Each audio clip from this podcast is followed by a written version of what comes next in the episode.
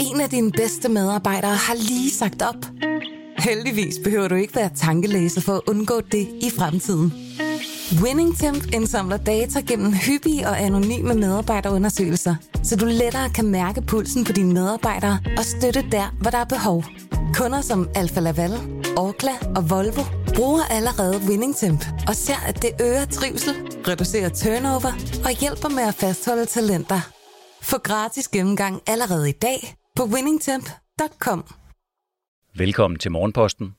Berlingskes nyhedsoverblik. Godmorgen. Du lytter til Berlingskes Morgenposten her onsdag den 18. august. Jeg hedder Palle Skov.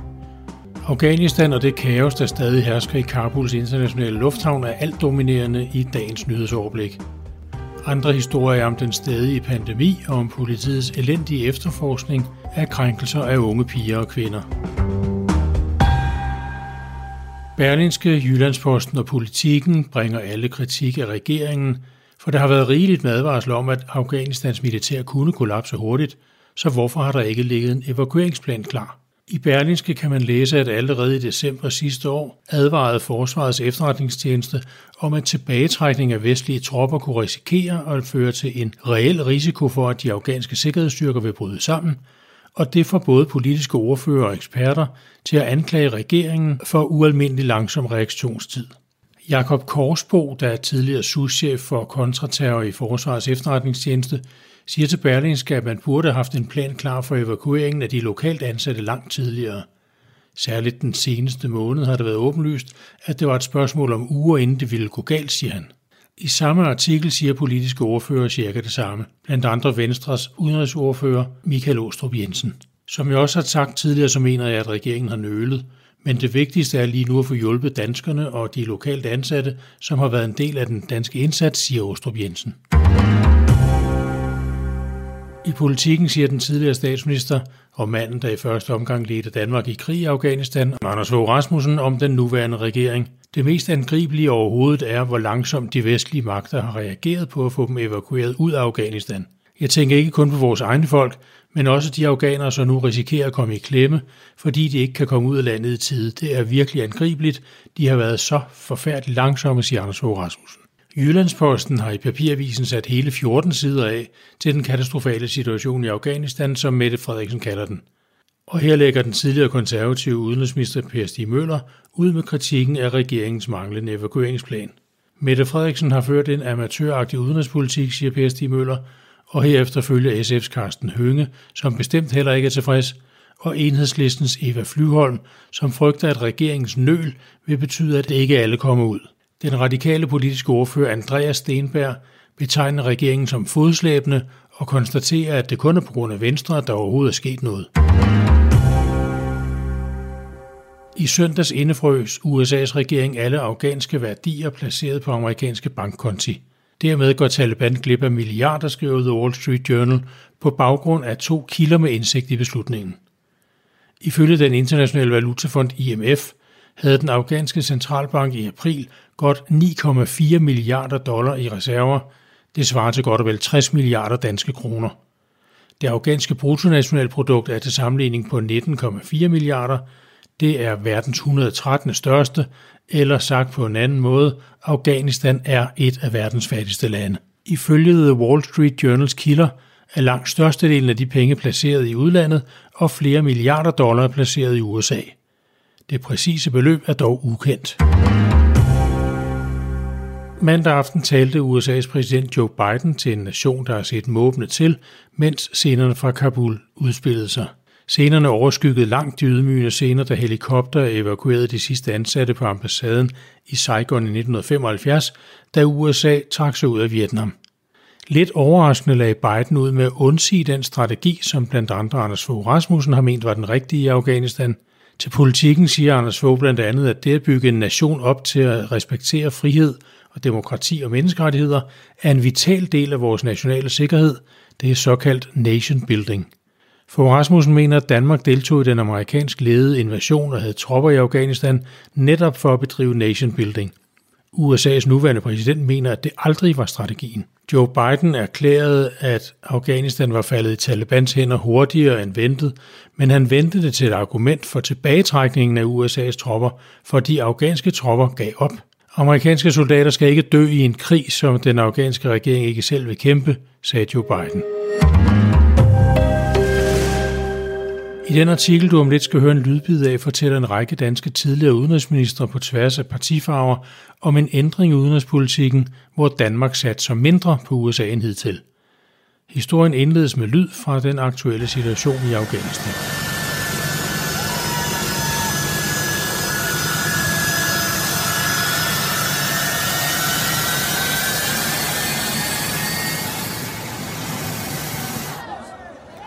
Bekymring skuffelse, en smule tømmermænd, og mest af alt en presserende, svær og dilemmafyldt tanke.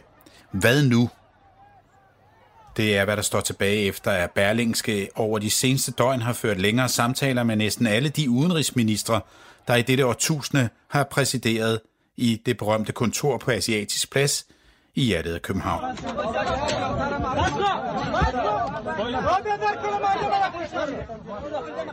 På chokerende kort tid har de set det Afghanistan, som Danmark har været dybt engageret i, selvantænde i kaos og desperation over synet af et Taliban i først fremmarsch og nu kontrol. Billederne er råbende, grædende og fortvivlede afghanere, der forsøger at klamre sig til hjulene på vestlige fly, er gjort af det stof, der tatoverer sjælen for altid. Og så er der billederne af de afghanske piger og kvinder – dem, som vores egne soldater har været med til at give rettigheder og sende i skole, men som nu frygter af det hele, friheden, musikken, perspektivet, forvidrer i mørket med det talibanske mørke. En ting er sikkert, de uger i august af 2021, som udspiller sig lige nu, er et tragisk kapitel i verdenshistorien. Spørgsmålet er nu, om det også er afslutning på en epoke i dansk udenrigspolitik, hvor vi med soldater og militært isenkram har været særdeles aktive i blandt andet flere arabiske konfliktlande. Spørger man den radikale næstformand Martin Lidegaard, udenrigsminister fra 2014 til 2015, og i dag formand for Folketingets udenrigspolitiske nævn, er svaret ja. Det her er en milepæl i dansk udenrigspolitik. Det er en korsvej, vi vil se tilbage på, hvor man sluttede et kapitel, siger han. Artiklen er skrevet af Kasper Kildegård. Du kan høre den hele på berlingske.dk eller læse den i avisen. Politiet er blevet kritiseret for dårlig håndtering af en sag om en mand, der over tre år afpressede 170 unge piger og kvinder til forskellige seksuelle handlinger. Berlingske skriver, at når en katastrofe fuldstændig indtager nyhedsdagsordenen, så taler kommunikationsansatte om en take-out-the-trash-dag out the trash dag. Det er sådan en dag, hvor man lige kan lukke lidt dårlige nyheder ud, uden at nogen rigtig opdager det. Og det skete sent mandag eftermiddag, da Rigspolitichef Torkel Fode erkendte, at politiet simpelthen ikke håndterede sagen godt nok. Årsagen skulle være, at kommunikationen mellem forskellige politikredse var mangelfuld. Det er selvfølgelig ikke godt nok, siger Torkel Fode i Rigspolitiets egen pressemeddelelse, som man kan læse mere om i politikken.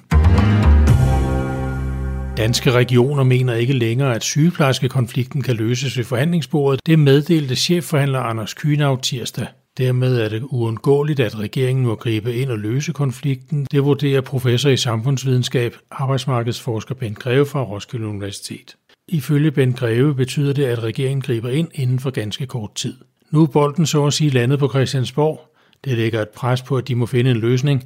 Vi ser, at flere operationer ikke bliver gennemført, og vi ser en central forhandlingspart, der siger, at de ikke har flere muligheder, siger han. Inden for de kommende 14 dage har man vedtaget et lovforslag, som antageligt omhøjer malingsskitsen til lov.